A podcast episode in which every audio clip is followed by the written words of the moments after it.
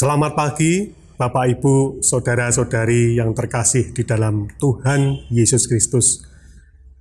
Syukur kepada Allah, pagi hari ini kita boleh bersama-sama untuk merenungkan firman Tuhan.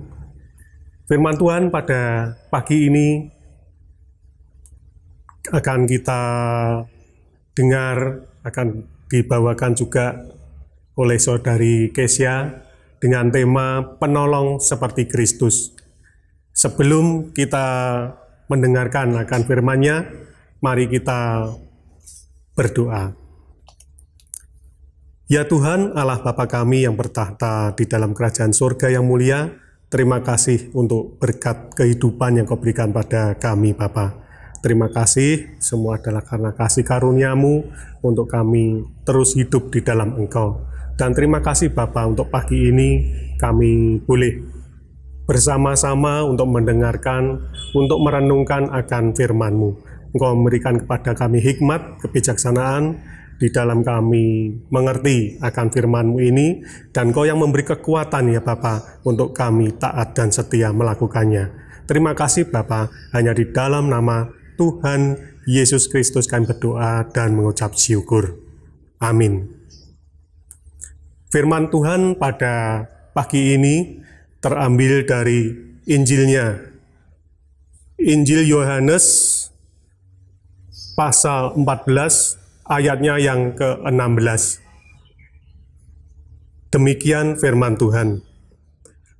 Aku akan minta kepada Bapa dan ia akan memberikan kepadamu seorang penolong yang lain supaya ia menyertai kamu selama-lamanya Demikian firman Tuhan.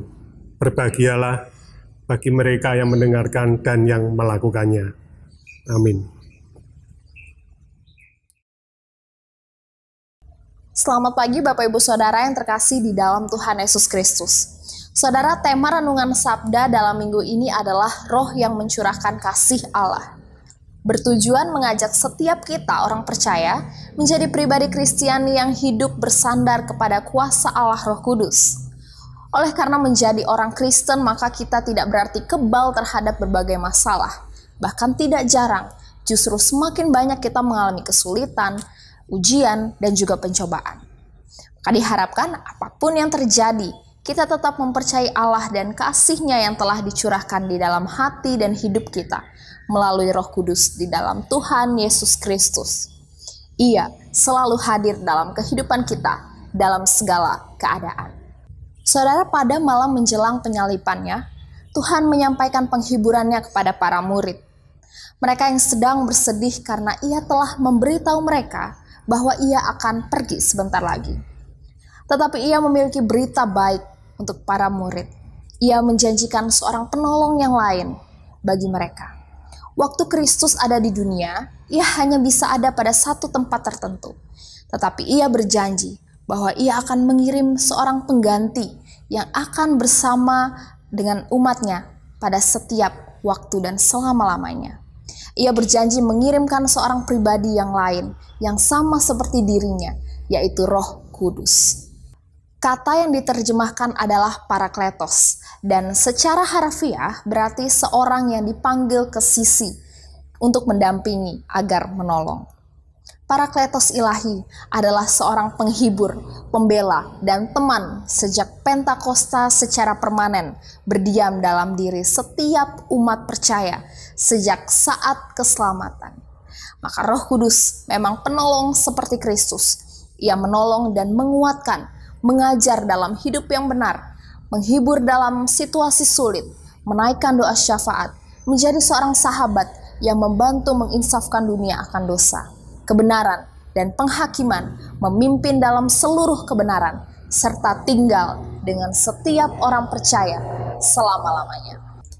Saudara, Kristus telah menyediakan bantuan yang sempurna untuk kehidupan rohani dan perjalanan kehidupan kita sehari-hari.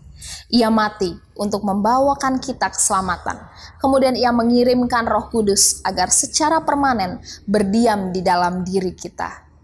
Ia tidak pernah meninggalkan kita seperti seorang anak yatim piatu yang tidak memiliki pelindung. Inilah anugerah yang dilimpahkan Allah di dalam Kristus Yesus kepada orang-orang pilihannya. Setiap orang yang percaya dan mengasihinya sungguh bersyukur kepada Allah. Saudara, Roh Kudus adalah karunia terbesar dari Kristus Tuhan kita. Amin. Mari kita berdoa. Bapa Maha Kasih di dalam Kristus, sungguh kami mengucap syukur untuk kasih karuniamu yang terus dinyatakan di dalam kehidupan kami. Kami bersyukur untuk roh kudus yang Tuhan anugerahkan kepada setiap kami untuk berdiam di dalam kehidupan kami dan hati kami, memimpin kami untuk hidup sesuai dengan kehendak Tuhan. Tuhan ajarlah kami anak-anakmu untuk terus memiliki hidup yang berserah total, berserah secara penuh kepada Tuhan, untuk terus dipimpin di dalam kebenaran Tuhan. Kebenaran yang membawa kami untuk hidup mempermuliakan namamu. Terima kasih Bapak yang baik. Pada pagi hari ini kami juga menyerahkan seluruh kehidupan kami ke dalam tangan Tuhan. Mohon kuat kuasa dan hikmat daripadamu kiranya melimpah di dalam hati setiap kami. Biarlah melalui tutur kata kami, kami boleh dapat membangun dan juga kami boleh dapat saling menguatkan sesama orang percaya dan seluruh orang-orang yang ada di lingkungan sekitar kami. Dengan tangan kami, kami melakukan bekerja banyak hal untuk kemuliaan nama Tuhan.